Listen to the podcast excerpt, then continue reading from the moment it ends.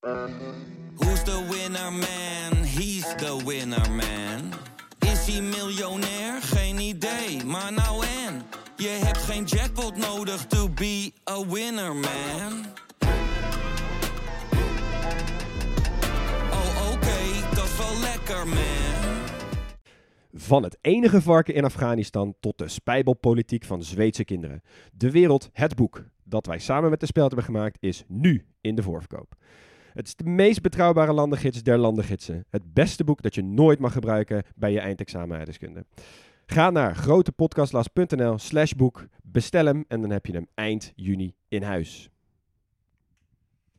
o amogelehile ho big podcastlas bekeng ena re naheng e ntle ya lesotho e dithaba moo basotho ba dulang ka kgotso o tla e rata naha rona ka ena o Ken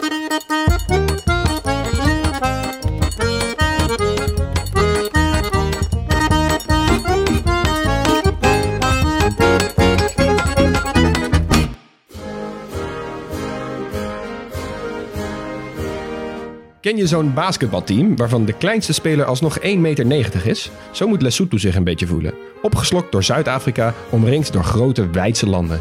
Maar Lesotho, hoog in de bergen, trekt zich daar niets van aan. Een oude koning regelde hier gewoon een eigen land voor zijn volk. En daar zocht hij misschien wel het mooiste stuk van Zuidelijk Afrika vooruit. Laten we Lesotho voor de verandering even het Zwitserland van Afrika noemen, omdat we zo'n fans zijn van zulke vergelijkingen. Moeten ze maar niet zo bergachtig zijn. Welkom dus in Lesotho, de Mountain Kingdom. Ja, en ik voelde me daar pas echt ontzettend welkom. Ja, want jij komt er net vandaan. Ja, ik was er denk ik eh, een week of twee geleden. En eh, ja, wat een land.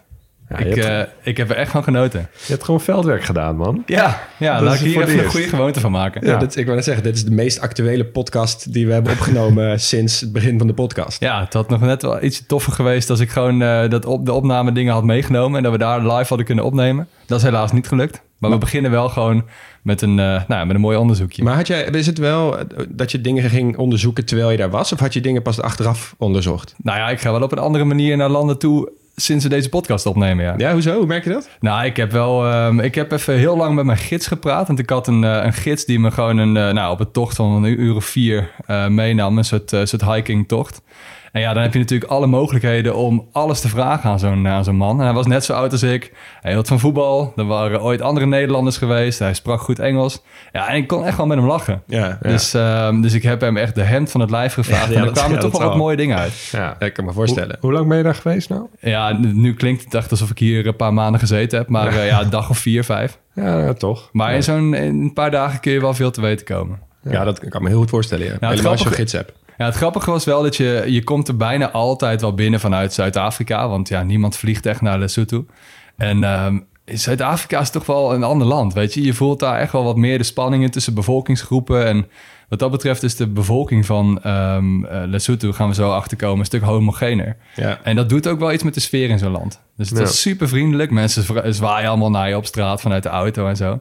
En Ja. ja, ja ik heb me daar wel echt welkom gevoeld. Ja, ik heb, ik heb je Polar Stepje gelezen. Wat jullie uh, trouw Jaloersmakend. hielden op, eh, op jullie reis. En ehm, ja, ik werd daar inderdaad wel blij van. Ik kreeg wel extra veel zin in deze aflevering... en jouw reisverslagen uh, mondeling te horen. Ja man, Mountain Kingdom.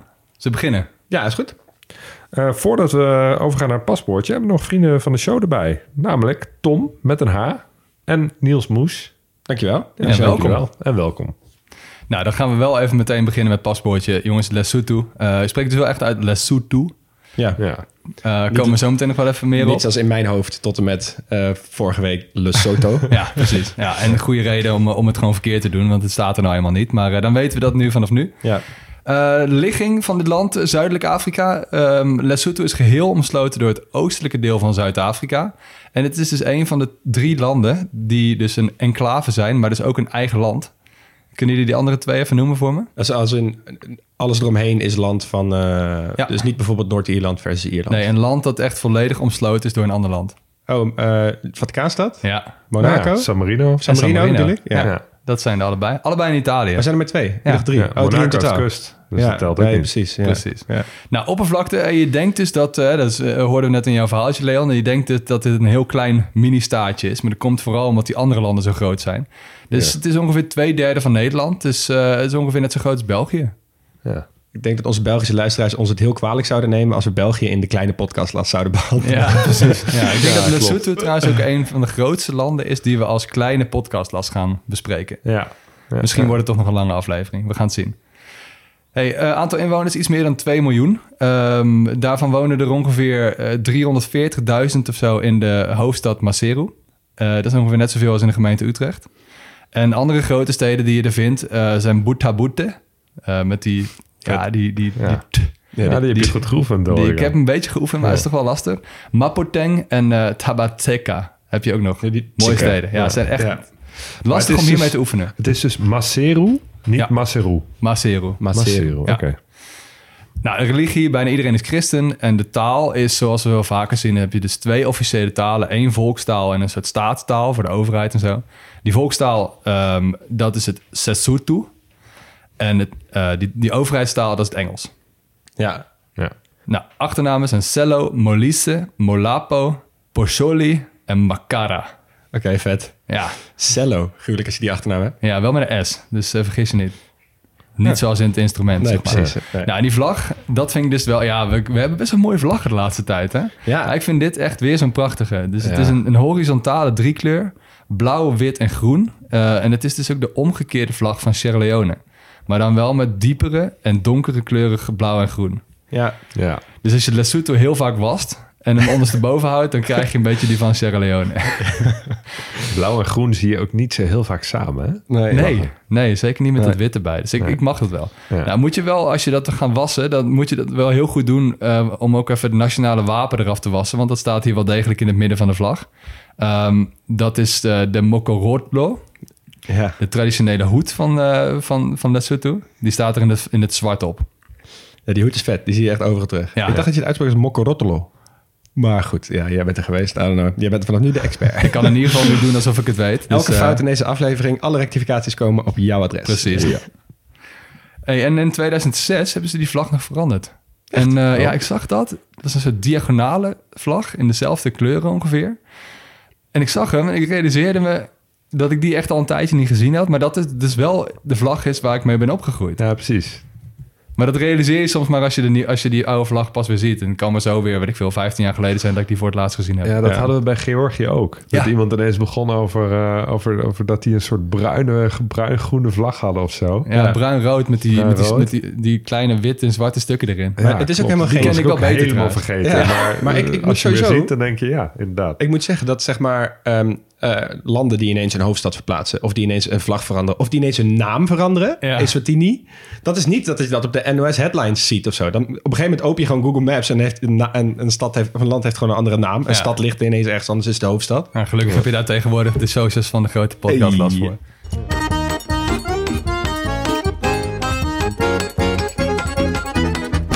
Nou, de mensen in Lesotho. Eh, iemand uit Lesotho heet een Basotho.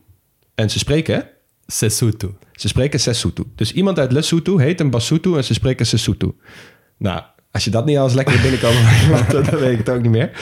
Ehm, het is een Bantu-volk. Eh, dat hebben we besproken in Zimbabwe uitgebreid. Hè. Veel, eh, veel volken in Zuidelijk Afrika zijn Bantu-volken. En Eh, in en, Tanzania ook, hè?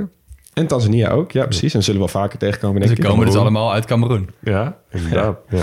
Ehm, en 99% van de mensen identificeert zich dus ook als een Basotho. Dus wat jij zei, hè, een, eh, echt, een, echt een nazi-staat, zoals we dat eerder hebben behandeld. Ehm, maar niet alle Basotho die leven in Lesotho. Nee. Je hebt er namelijk echt heel veel in Zuid-Afrika. Daar zit een hele logische eh, verklaring achter. Kom ik zo op terug bij het geschiedenisstukje. Maar het is goed om te weten dat er echt bijna drie keer zoveel eh Basotho wonen in Zuid-Afrika dan in Lesotho. Ja. ja, en je hebt dus ook nog de Noord-Sotho.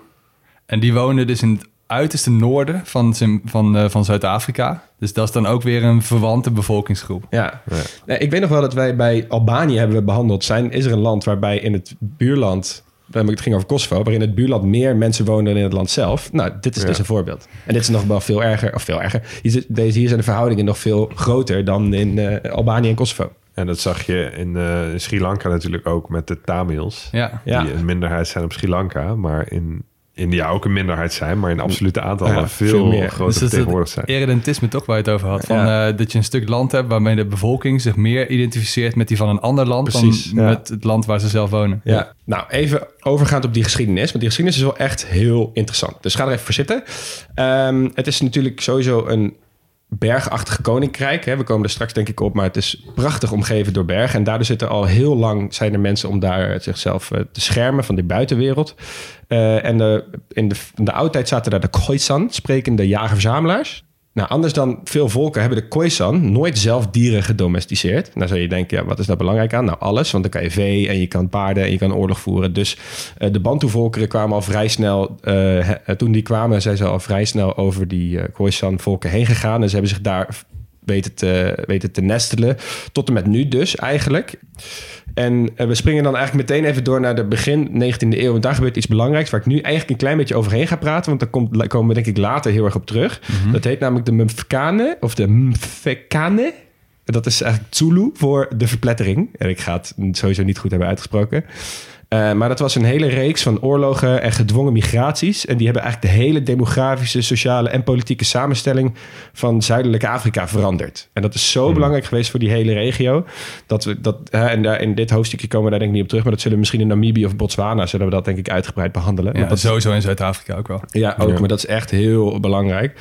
Ehm, maar goed, ehm, de uitkomst van die ver- zogenaamde verplettering was eh, dat er één ontzettende letterlijke koning, namelijk Mshweshwe, eh eigenlijk alle Soto-stammen heeft verenigd tot een grote natie eigenlijk.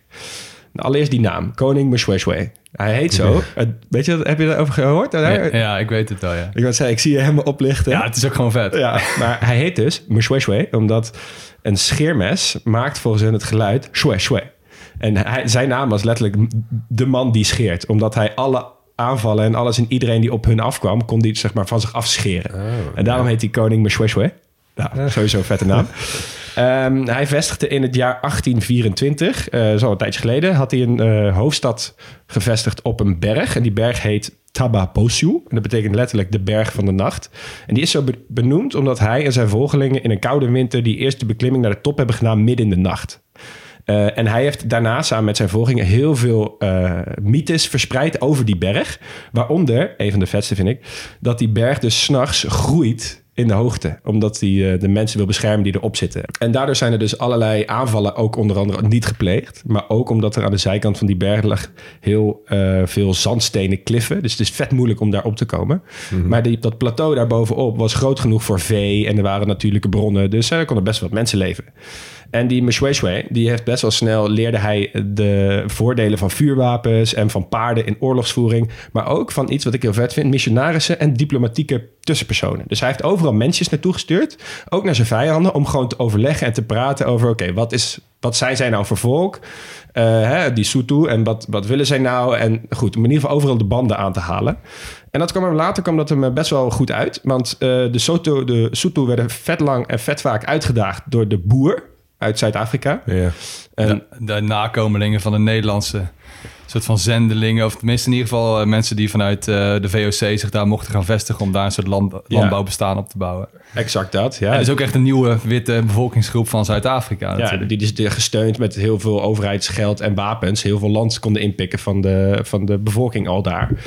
Eh, maar die Soetu die hebben dus uiteindelijk een soort oorlogje gevoerd... met eh, de boer die dus een eigen land had gevestigd... wat vlak naast eh, wat we nu kennen als Lesotho ligt. En dat heette de Oranje Vrijstaat. En vrij met V-R-Y staat. Ehm, en zij waren eigenlijk best wel vaak in oorlog, maar eigenlijk kwamen de boer vanuit Oranje Vrijstaat zo vaak over dat dus die Mshweshwe de Britse meermaals heeft verzocht van hey, kunnen jullie ons niet even komen helpen? Toen hebben de Britten ehm, vanwege de stabiliteit in de regio hebben eigenlijk het koninkrijk geannexeerd en tot de Britse kroon gevoegd, waardoor ze dus een soort bescherming kregen tegen die Oranje Vrijstaat. Die konden Ja, dus niet meer precies. binnenvallen, want dan vielen ze eigenlijk Groot-Brittannië binnen. Ja. Ja. Nou, daardoor waren ze een soort veilig. eh, en dat, toen werd het ook bekend als Basutoland. Ah ja. En Basutoland bleef een Brits protectoraat tot de dood van Mshweshwe eh, in 1870. Maar in het jaar daarna werd de kolonie meteen geannexeerd aan de Kaapkolonie. En de Kaapkolonie is eigenlijk de voorganger van Zuid-Afrika. Een van de onderdelen die nu Zuid-Afrika is. Eh, en toen werd er dus heel veel politieke autonomie weggegeven. Heel veel land, productief land werd weggegeven. Eh, maar de Soeto mochten nog wel heel erg veel van hun sociale en culturele onafhankelijkheid behouden. En door middel van die bescherming van Groot-Brittannië... en dus dat ze hun eh, identiteit echt mochten behouden... zijn ze dus uiteindelijk, toen ze in 1966 onafhankelijk werden van Groot-Brittannië... konden ze best wel makkelijk een land worden. En toen werd het dus ook het koninkrijk Lesotho. Het is wel echt tof, hè? Dit, dit zijn echt van die dingen, daar- daar moet je maar even op komen. Dat je daarover na gaat denken van waarom is nou Lesotho niet gewoon een deel van Zuid-Afrika? Ja, Ja. Want dat hele land is op een gegeven moment overgenomen en door de nakomeling van de Nederlanders en door de Britten. Maar Ja. alleen dat kleine bergkoninkrijkje, Ja. dat bestaat dus wel echt op zichzelf. Dus maar er zijn dus ook nog best wel veel Basotho die niet binnen de landsgrenzen van Precies eh, hierom. eh, Basotho-land zijn terechtgekomen. exact. Eh, om, omdat ze dus veel land zijn verloren aan... Aan die oranje, eerst aan die Ja. Oranje Vrijstaat en toen dus aan de Kaapkolonie. Ja, En wat jij zegt, Max, dat is ook wel interessant. Want eh, Zuid-Afrika is ook Zuid-Afrika geworden pas na de Unie van Zuid-Afrika in 1910. En toen zijn allemaal verschillende Britse kolonies samengevoegd. Hè? Dus Kaapkolonie, Natal, Transvaal en de Oranje Rivierkolonie. Ehm maar Bezoeteland wilde dat dus niet. Maar er zijn nog twee andere die niet mee wilden werken. Namelijk, Ja, Swatini dan? ja, Swaziland inderdaad, Eswatini. En wat wij nu kennen als Botswana. Dus dat waren ook allebei Ah, ja. Britse kroonkoloniën... die dus niet meegingen in die Unie van eh, Zuid-Afrika. Ja. En dat zijn dus nu ook onafhankelijke landen. ja vandaar. Ja, dus interessant. Ehm, nou, even naar, eh, naar de huidige tijd. Ehm, na de onaf- onafhankelijkheid had je een, eh, iemand aan de macht daar, die heette Chief Lebois Jonathan. En hij was best wel een autocraat. Ehm, hij, was, best wel, hij heeft de koning ook heel erg afgestript van zijn rol en heel ceremonieel gemaakt. En eh, was heel erg tegen de apartheid in Zuid-Afrika. Maar je kan je voorstellen, wat gebeurt er met een land dat volledig omringd is door een ander land? Als je daar ruzie mee hebt, ja, dat is best wel lastig. Ja. Ja. Dus er, zij werden constant bedreigd en er was zoveel druk op dat land dat vanuit binnenuit is dus een pro-Zuid-Afrikaanse macht aan, aan de macht gekomen. Die heeft daar dus een aantal eh, jaren heeft hij daar gezeten met een soort overheidsovername van oké, wij willen wel vrienden zijn met Zuid-Afrika, want je kan geen ruzie maken met het land waar je ongeveer naast zit. Maar die chief eh Leboa Jonathan, die was dus echt best wel fel tegen de apartheid en daar stonden ze dus ook best wel bekend. En dus hebben ze ook heel veel vluchtelingen uit Zuid-Afrika overgenomen daarvan. Ehm, nou, door verschillende omwentelingen kwam de democratie en dus ook de koning uiteindelijk weer terug. Fun fact, hij heeft ook nog een tijdje in ballingschap gezeten in Nederland. Oh ja? Ja. Ja, ja. Ja, en dat was dus uh, de tweede. Ehm, hij is uiteindelijk weer teruggekomen. Hij kreeg ook weer een, wat meer een grotere rol. Eh, en door allerlei verschillende omwentelingen is die koning dus nu wel weer wat meer in beeld. Het is nog steeds best ceremonieel. Ehm, maar er is nog een andere ongelofelijke politieke soap aan de gang op dit moment in Lesotho. Namelijk, eh, op 14 juli 2017, hè, dus niet zo lang geleden, werd Lipelelo Tabane vermoord door gewapende mannen voor haar huis in de buurt van Maseru. Nou, twee dagen later werd Thomas Tabane, haar ex-man, of eigenlijk de man met wie ze in scheiding lag, beëdigd als premier van het land. Nee joh. Ja, dat is best wel raar. Eh, maar aan zijn zijde stond toen zijn nieuwe partner, Messiah Tabane. En zij werd, zij zijn drie maanden later zijn ze getrouwd. En toen heeft zij een beetje de touwtje in handen genomen, omdat die, die, eh, die Tabane, die Thomas, was best wel een oude vent. Eh, en hij eh, kon eigenlijk niet zoveel meer. Dus die vrouw heeft het allemaal overgenomen. Maar wat bleek nou? Een paar maanden later is een hoofdcommissaris van de politie... heeft een, op het plaatselijk een telefoonnummer getraceerd... dat ging naar de president, of naar de premier. Toen heeft hij gezegd... oké, hey, wacht even. Waarom werd er tijdens de moord gebeld naar jouw nummer? Toen is hij eventjes vervangen. Toen werd hij weggehaald. Die, die Die politiecommissaris. politiecommissaris. Ja, dan en toen daarna, wat er aan de hand is. Precies. En daarna werden er dus veel meer vragen gesteld, ook door de politiek. En op een gegeven moment heeft hij, is hij afgetreden, die Thomas. Omdat hij zei, ja, ik word te oud voor mijn functie. Ehm, maar hij is dus nu officieel aangeklaagd voor de moord op zijn ex-vrouw. Dus dit is echt een politieke soap waar House of Cards nog een puntje aan kan zuigen. Hè? Zo, ja, inderdaad. Eh, en wat er dus nu gebeurt, weten ze nu niet. Want zijn minister van Economische Zaken heeft nu de tent overgenomen. En eind dit jaar, of halverwege van dit jaar, zijn er weer nieuwe verkiezingen. Maar ja, hij zit dus nu in afwachting van het proces. En hij is officieel aangeklaagd voor moord. Wow. Ja, En intussen eh, draagt zijn nieuwe vrouw eigenlijk een beetje... nee, want die is, ook, die, is het ook, eh, die is ook aangeklaagd voor medeverantwoordelijkheid en Oh, medeplichtigheid. Dus eh, zij heeft ook geen rol meer. Ja. Nee, want dat is dan eh, inderdaad helemaal gek. Ja, stel je voor. want- Want, want zij is dus eigenlijk... Zij heeft geprofiteerd van de dood van die eerdere vrouw. Ja, sterker nog, misschien Als heeft zij er wat mee te maken heeft, dan is het helemaal, is het helemaal eh, Ja. soap. Ja. Zo, dus als dit nog verandert in de komende tijd, dan eh, horen jullie het ook van ons. Maar Ja. eh, ook hier kan Ja. dus wel iets gebeuren in de, in de Precies, en over tien, jaar binnen, over tien jaar in het theater ben je in de buurt, denk ik.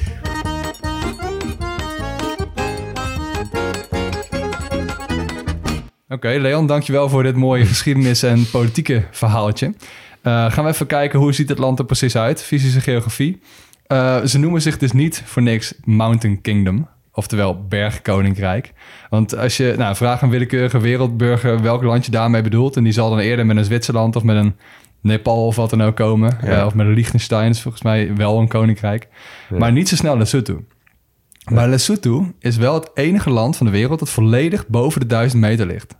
Echt? Ja, Oh, oh, wow. Ik zou het verwachten dat een, een ook. Bhutan of zo hier ook nog wel. Het is enige land. eh, ja, vet. dus, dus eh, sterker nog, hun laagste punt is 1400 meter. Wow.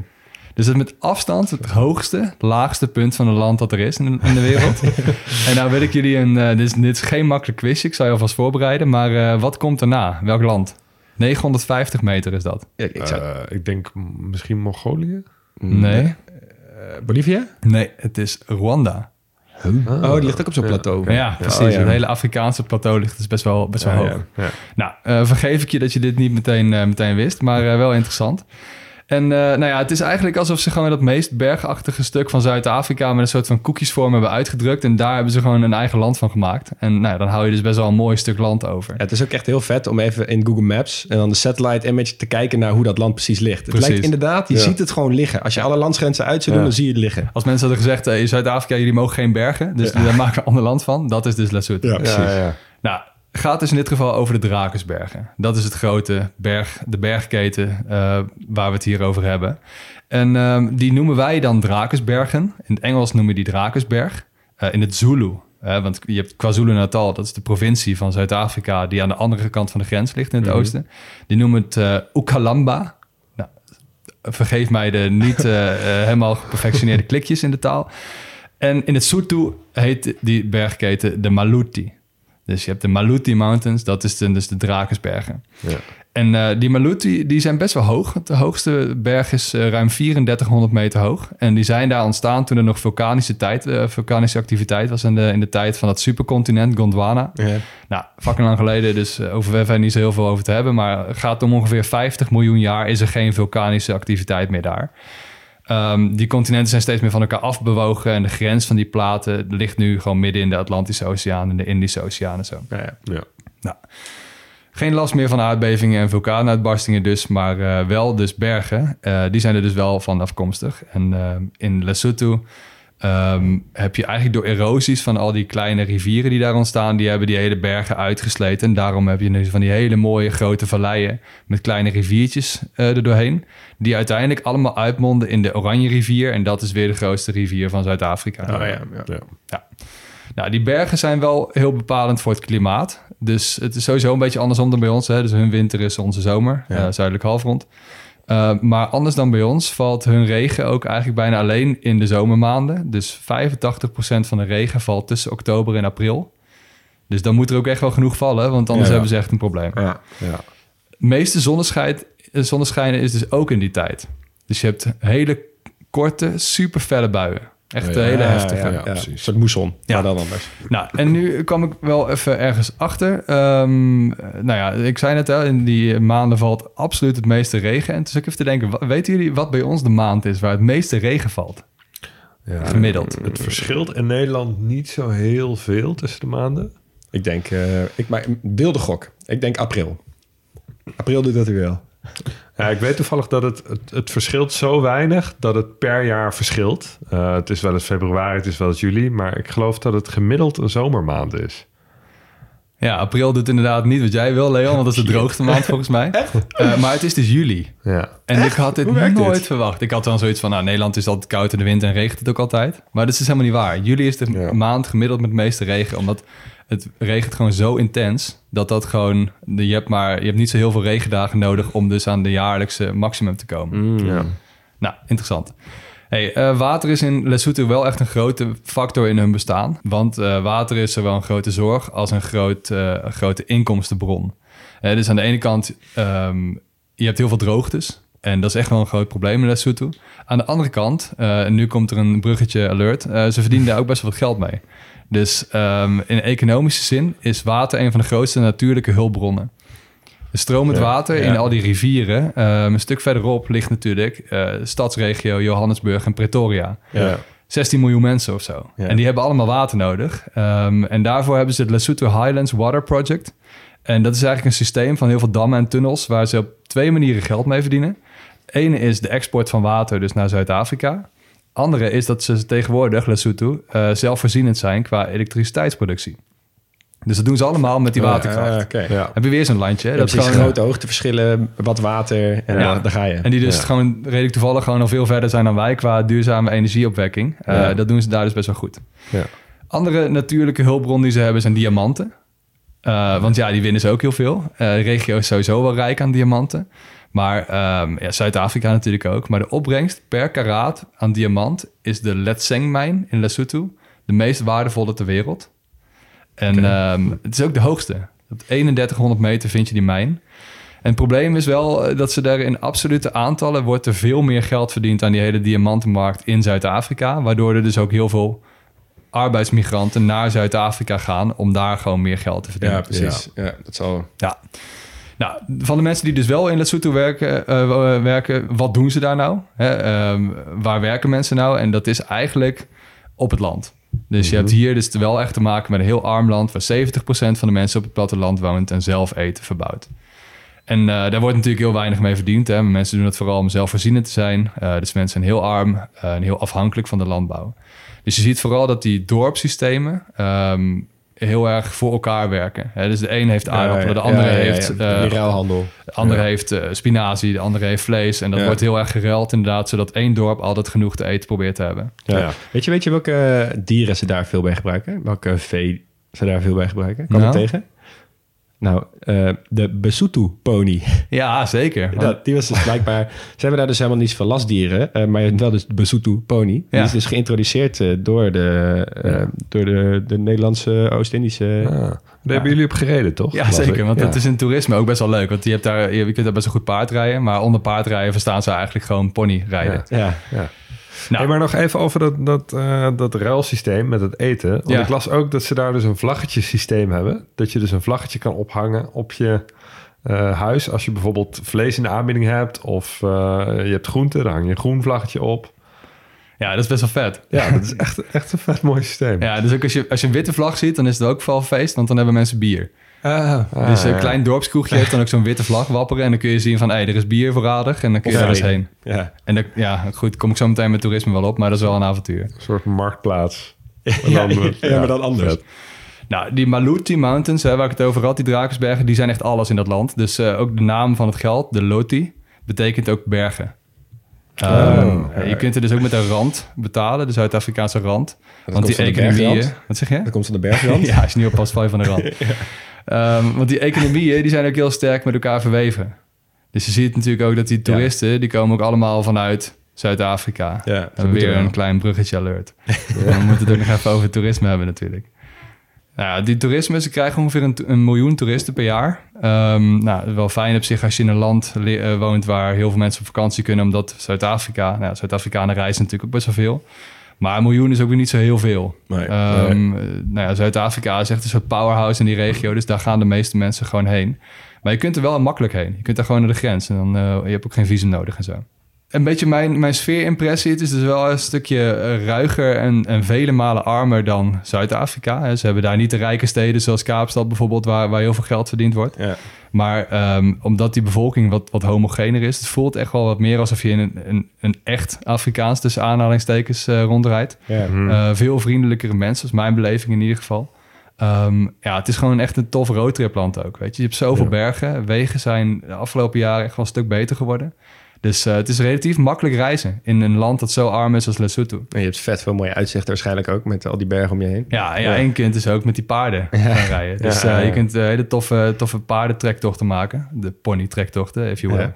Eh, maar daar kun je ook echt wel meerdere daagse tochten maken. Dan eh, moet je wel zelfs een hele warme slaapzak meenemen. Want ja, het kan best wel, best wel kil worden in de bergen. Maar is wel leuk. Ja. Ja, gaaf. Echt, echt zo, zo goed dat je daar net geweest bent. Ja, Dat zeker. Ja. op deze.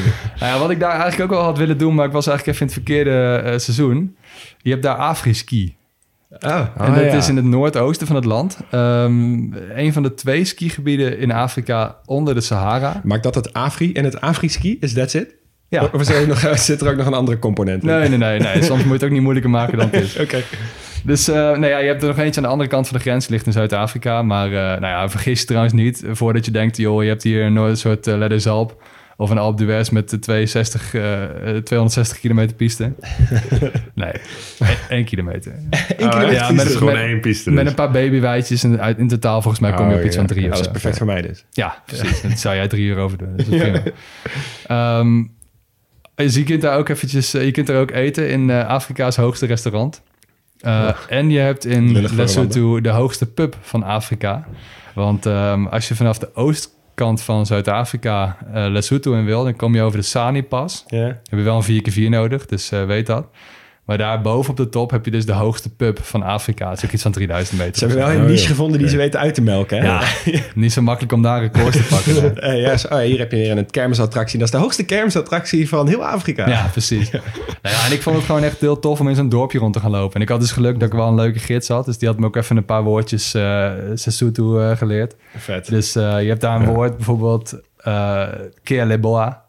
Dankjewel. Nou, werkt in elk land natuurlijk ook. Ja. Maar um, nou ja, het woord voor mooi of nice, gewoon iets in die richting, is hamunachi. Hamunachi. Dus je loopt echt door dat dorp en alles is hamunachi. En die mensen vinden het fantastisch. Ja. Dus uh, daar kun je wel een paar dagen zoet mee zijn. Ja, wel leuk. Ja, jij stuurde ons ook nog een vette voice memo voor WhatsApp van jou met jouw gids. Hoe heet je ook weer? Lucky. Ja, Lucky de gids. Dat was best wel vet. En jullie hadden het op een gegeven moment over, zijn, uh, over het uh, motto van het land. Ja. ja, we kunnen wel even een stukje luisteren. Oh, ja. So yeah, then I will say Khozo, Pula, Nala. Khozo it means peace, Pula it means rain, Nala it means prosperity. So this is our motto.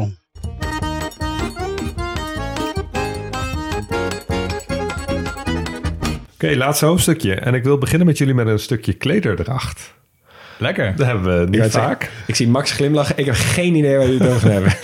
nou, uh, Lesotho staat namelijk bekend om de Basutu blankets. Um, kleurrijke kleden die vaak worden gedragen als een soort poncho, dus over de schouders. Ja, ik beeld het uit, dat zie je niet, luisteraar, sorry. Uh, we zullen wel een plaatje op de social zetten. Um, oorspronkelijk werden die gemaakt van dierenhuiden, tegenwoordig vooral van katoen of wol.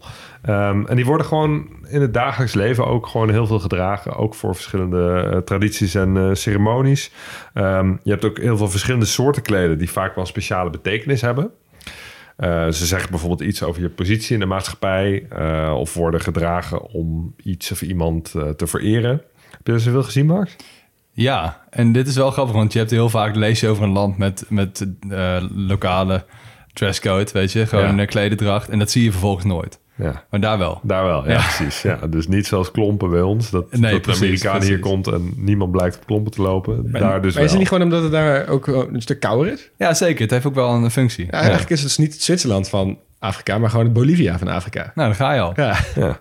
Um, een voorbeeld is bijvoorbeeld het feit dat, uh, dat jongens en meisjes voor de puberteit andere kleden dragen dan daarna. Um, die overgang van, van jonge meisje naar man en vrouw is sowieso echt een heel belangrijk moment in de cultuur. Dat zie je op, op meer plekken in Afrika, maar in Lesotho ook. Wordt groots gevierd. Um, wat gebeurt er? Jongens en meisjes in de puberteit die gaan uh, ergens uh, te, in de leeftijd tussen de 12 en de 16 meestal worden ze een aantal weken of soms zelfs maanden worden ze van huis gestuurd naar een soort school waar ze um, uh, in een afgelegen gebied een soort ontgroening ondergaan. Oké, okay, heftig. Um, meisjes leren er bijvoorbeeld een goede echtgenoot uh, te zijn en ondergaan ook een behandeling waarbij hun schaamlippen worden uitgerekt uh, om ze langer te maken. Um, dat is door de Wereldgezondheidsorganisatie aangemerkt als een milde vorm van genitale verminking.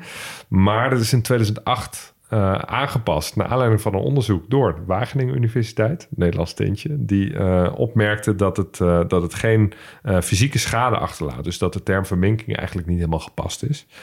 Um, maar toch wel okay. een beetje een omstreden praktijk. Jongens die worden besneden, krijgen les in, in bijvoorbeeld vechten en jagen, maar ook morele lessen over seksualiteit. En als die jongens klaar zijn, dan laten ze al hun kleding achter in de hut. Die werd gebruikt als schooltje.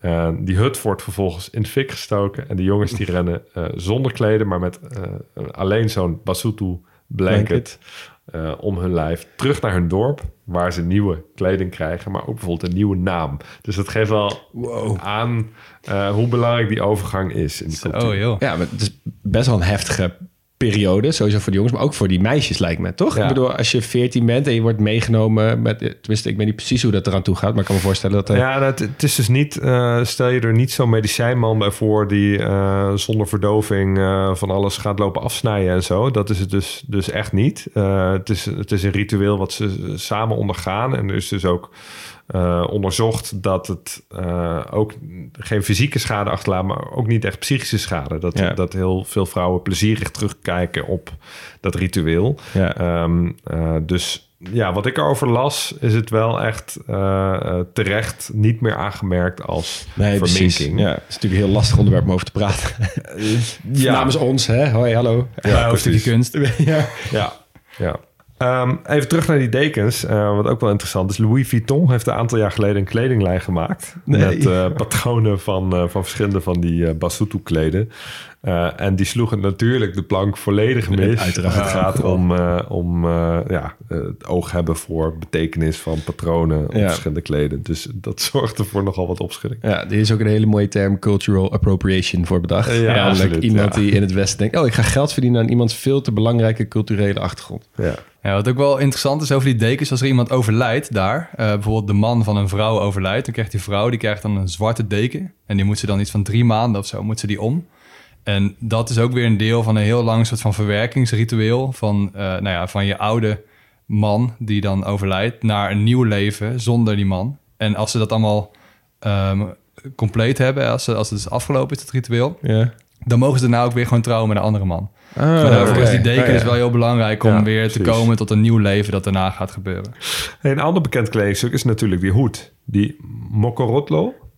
Ja, zo- Jullie hebben het allebei al een keer uitgesproken. Nou, ik heb het dan bij deze ook een keer gedaan. Dat is een strohoed die je op de vlag ziet. En die heeft ook de vorm van zo'n eh, eh, traditioneel huis in Lesotho... met ronde muren en een punten rieten dak. Ja. Dus daar is het eigenlijk van afgeleid.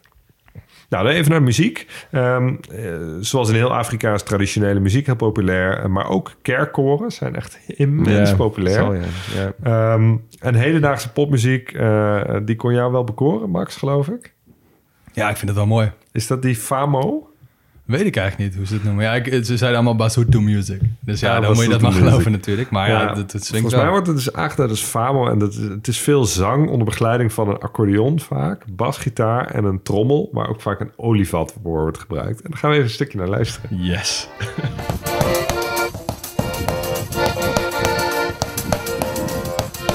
ja, dit is heerlijk. Dit is echt fantastisch. mooi, hè? Ja.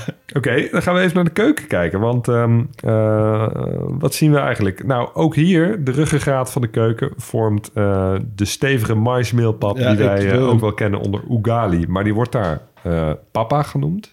Ja, gewoon pap. Ja. Ja, pap. ja. Nou, ja, dat, dat doet ook wel recht eigenlijk aan, eh, aan wat het is.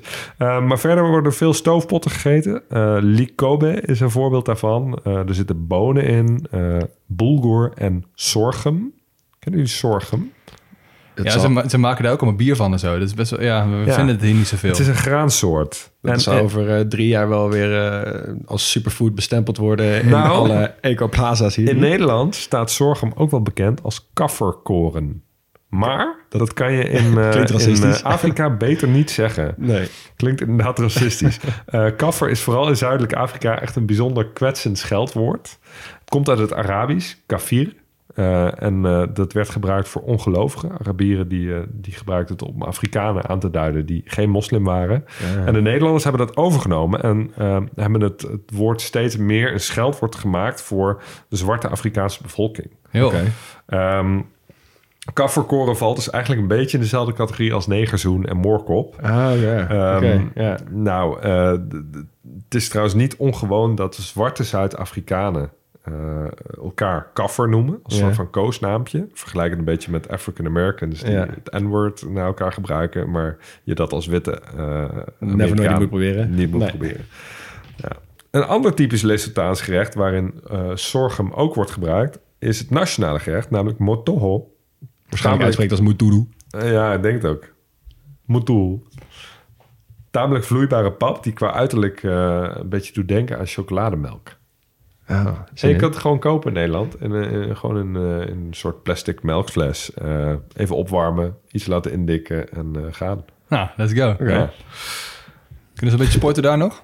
ja, nou, niet echt.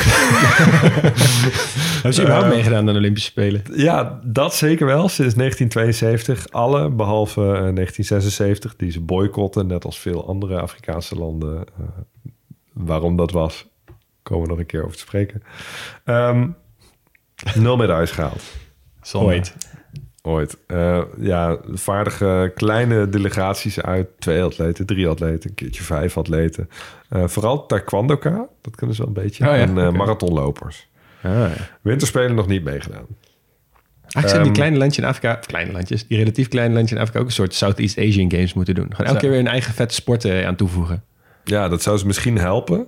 Eh, in Lesotho is sport ook wel erg onderontwikkeld. Ook als je het vergelijkt met andere kleine Zuid-Afrikaanse landen. Ehm, eh, in tegenstelling tot veel van die andere landen bijvoorbeeld... eh, is het aantal sporters dat ze afvaardigen naar de Olympische Spelen... dat, dat stagneert gewoon. Het is Oh, niet dat ja, daar... ja. Hè, dat- kijk, meestal zie je dat die delegaties worden steeds groter... want er komen meer sporters bij. Ja. Die landen eh, die hebben te maken met bevolkingsgroei. Maar in Lesotho is dat dus helemaal niet, niet aan de hand. Ja. Ehm, voetbal is de meest populaire sport, maar ook daarbij hebben ze zich nooit geplaatst voor het, eh, voor het WK, zelfs niet voor de Afrika Cup. Ehm, dus eh, ehm, ja, qua sport is het niet heel veel soeps. Meest toonaangevende internationale sportprestatie zijn een paar medailles op de Commonwealth Games, waar ze dus Uiteraard. eh, aan deel eh, mogen nemen. Ehm, maar de sportinfrastructuur die ontbreekt en de sport is gewoon niet goed georganiseerd. En het heeft ook niet echt prioriteit voor de Nee. autoriteiten om, daar, eh, om daar iets aan te doen. Dus nee, voor sport hoef je Lesotho niet te bellen.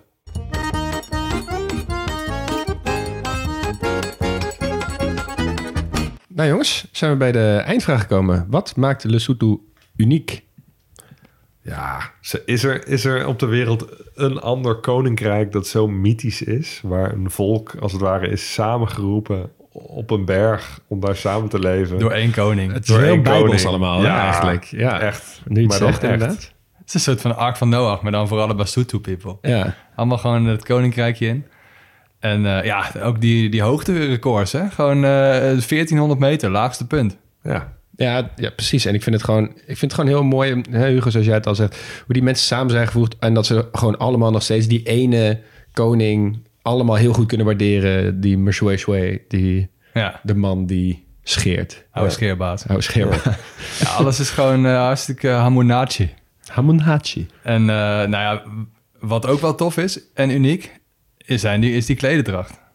Dus, eh, Ja. want als je gewoon ergens in de wereld iemand met zo'n deken, met zo'n ja, hoed neerzet, ja. dan weet je gewoon meteen die komt uit Lesotho. Ja. want vaak zie je bij- heel veel eh, culturele tradities gebruiken, dat soort dingen. Eh, moet je bij zeggen, ja, dat zie je ook wel op andere plekken in Oost-Afrika en, en Ja. eh, zo, zo. Maar dit is wel echt karakteristiek voor, voor die Basotho-mensen. Ja, of het wordt een beetje zo'n kermis zoals bij ons met de klompen en van die Volendamse kledingdrachten en zo, dat die Ja. eigenlijk niemand meer draagt. Ja, Ja. ja. Nee, klopt. Daar is wel uniek in. We zijn door de tijd heen, jongens. We moeten gaan afsluiten. Zeker. Bedankt allemaal voor het luisteren eh, naar weer een hoofdstuk van de kleine podcastlas. Eh, wij zijn Leon Boelens, Max Gerts en Hugo Noordman. En de eindmontage wordt gedaan door Jonas van Impen. Zoals je hoorde zijn we nooit volledig, maar wel origineel. En geen experts en wel liefhebbers. Hebben we iets verkeerd gezegd of zijn we iets cruciaals vergeten? Volg ons en laat het weten via Twitter of Instagram op @grotepodcastlas.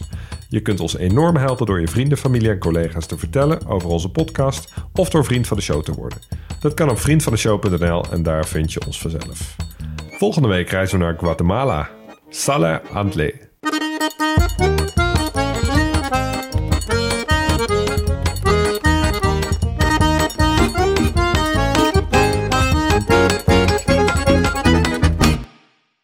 Luisteraar. Luister je nog steeds? Klasse, man. Je hebt er gewoon helemaal afgeluisterd. Nou, nu je tot hier bent gekomen, koop dan ook gelijk even ons boek, hè. grotepodcastlas.nl slash boek. Doei!